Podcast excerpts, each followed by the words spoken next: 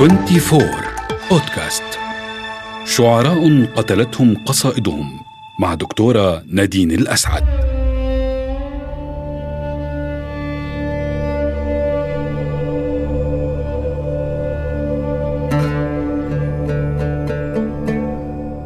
ضحية الشعر وحروف القول ومعاني الفكر التي سوف نتناولها في حلقة اليوم.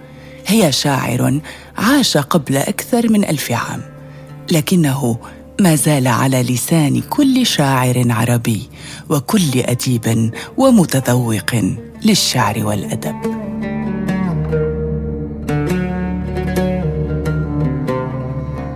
ربما كان قد ولد قبل زمانه وربما طرح افكارا متقدمة في زمن مبكر. وربما يكون قد أخطأ التقدير فوقع في المحظور ودفع حياته ثمنا لجرأة حروفه وعقابا له على تبنيه صوفية فضفاضة في زمن لم يكن ناضجا لاحتمالها.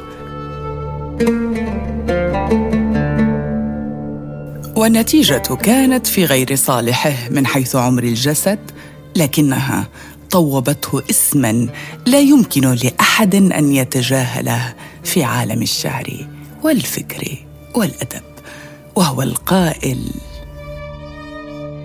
يا نسيم الريح قولي للرشا لم يزدني الورد إلا عطشا لي حبيب حبه وسط الحشا إن يشأ يمشي على رمشي مشى روحه روحي وروحي روحه. إن يشأ شئت وإن شئت يشأ.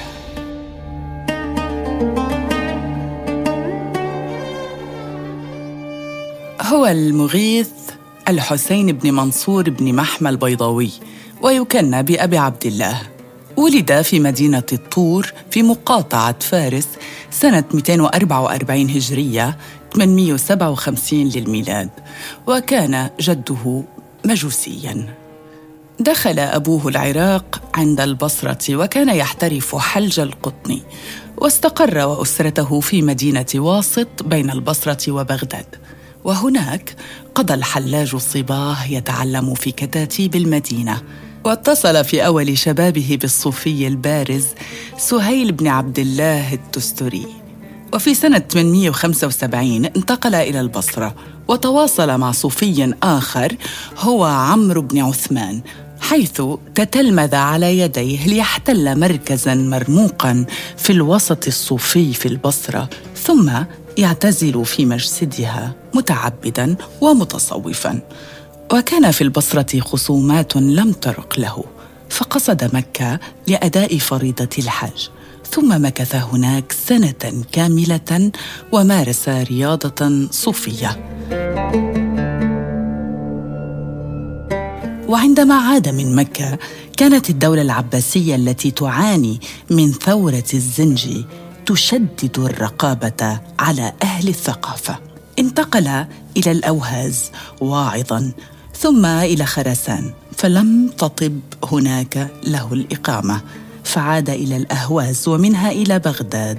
ومن بغداد اتجه إلى مكة ليحج ثانية. ومن مكة اتجه نحو الهند والصين. وفي الهند ازداد نضوجا فتعلم التحكم في النفس. وكون مذهبا واسلوبا جديدين قرر نشرهما بين الناس بعد رجوعه إلى وطنه.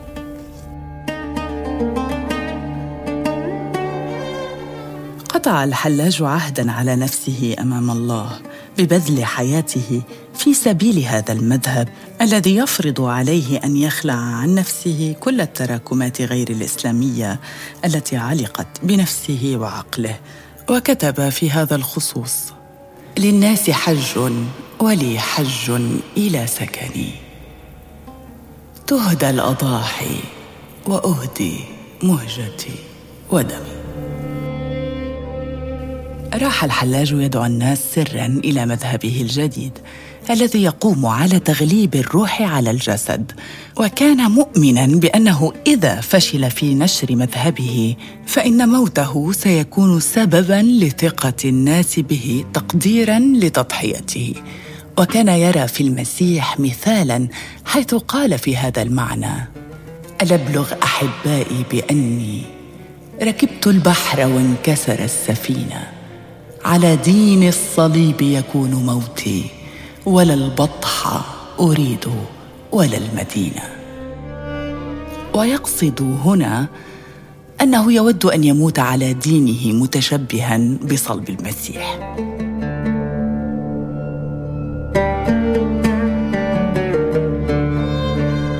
بشر الحلاج في بغداد سرا بدولة الروح التي آمن بها مدة عشر سنوات. فقد خلالها مودة أصدقائه الصوفيين وكانت نورانيته واضحة في معظم أشعاره. وقد نسج الحلاج علاقات مع الجهات المعارضة للدولة العباسية فشعر حكامها بالدور الذي يلعبه الحلاج لإسقاطها عندما وشى به رجل من البصرة من أنصاره السابقين. فتم القبض عليه وأودع السجن لفترة طويلة. لم يمنعه السجن من التعبير بل كانت فترة حبسه من أخصب سنين حياته حيث أنجز خلالها كتابه المشهور الطواسين ويحكى أنه استمال الموظفين المسؤولين عن سجنه فسهلوا له أموره. نقل الحلاج من سجن إلى سجن عدة مرات إلى أن انتهى به الأمر مسجونا في قصر الخليفة. وهناك لقي تعاطفا من الحاشية حيث أعجب بفكره الكثيرون. أما الوزير حامد بن العباس فكان يكرهه كرها شديدا وسعى لنقله من السجن إلى سجن في منزله حيث راح يعذبه انتقاما في كل يوم. وعندما كان الحلاج يسأل من قبل محدثيه أو يلام على تصرفاته كان يقول ما حيلة العبد والأقدار جارية عليه في كل حال أيها الرائي؟ ألقاه في اليم مكتوفا وقال له إياك إياك أن تبتل بالماء.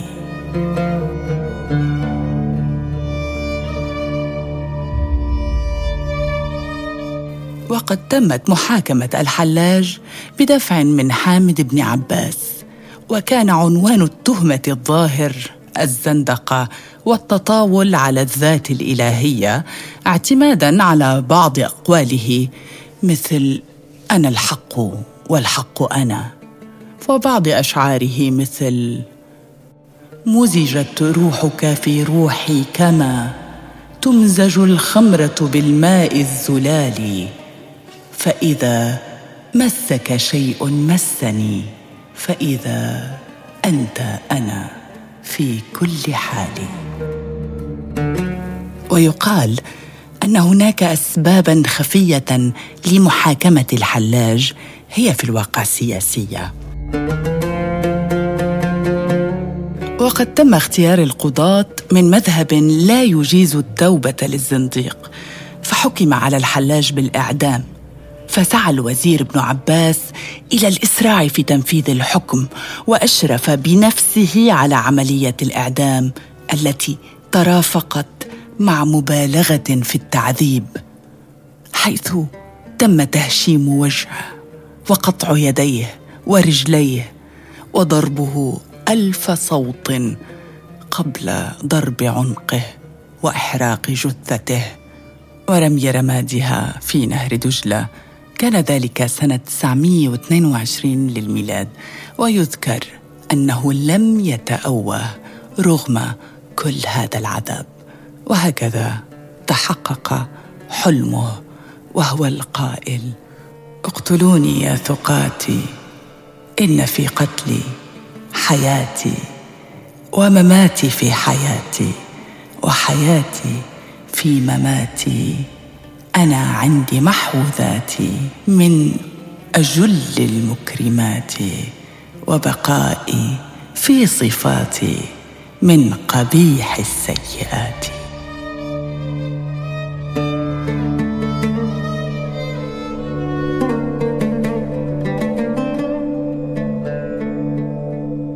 كانت معكم دكتور نادين الأسعد. تابعوني في الحلقة المقبلة وأختتم من شعر قائلة كم فجر الحرف؟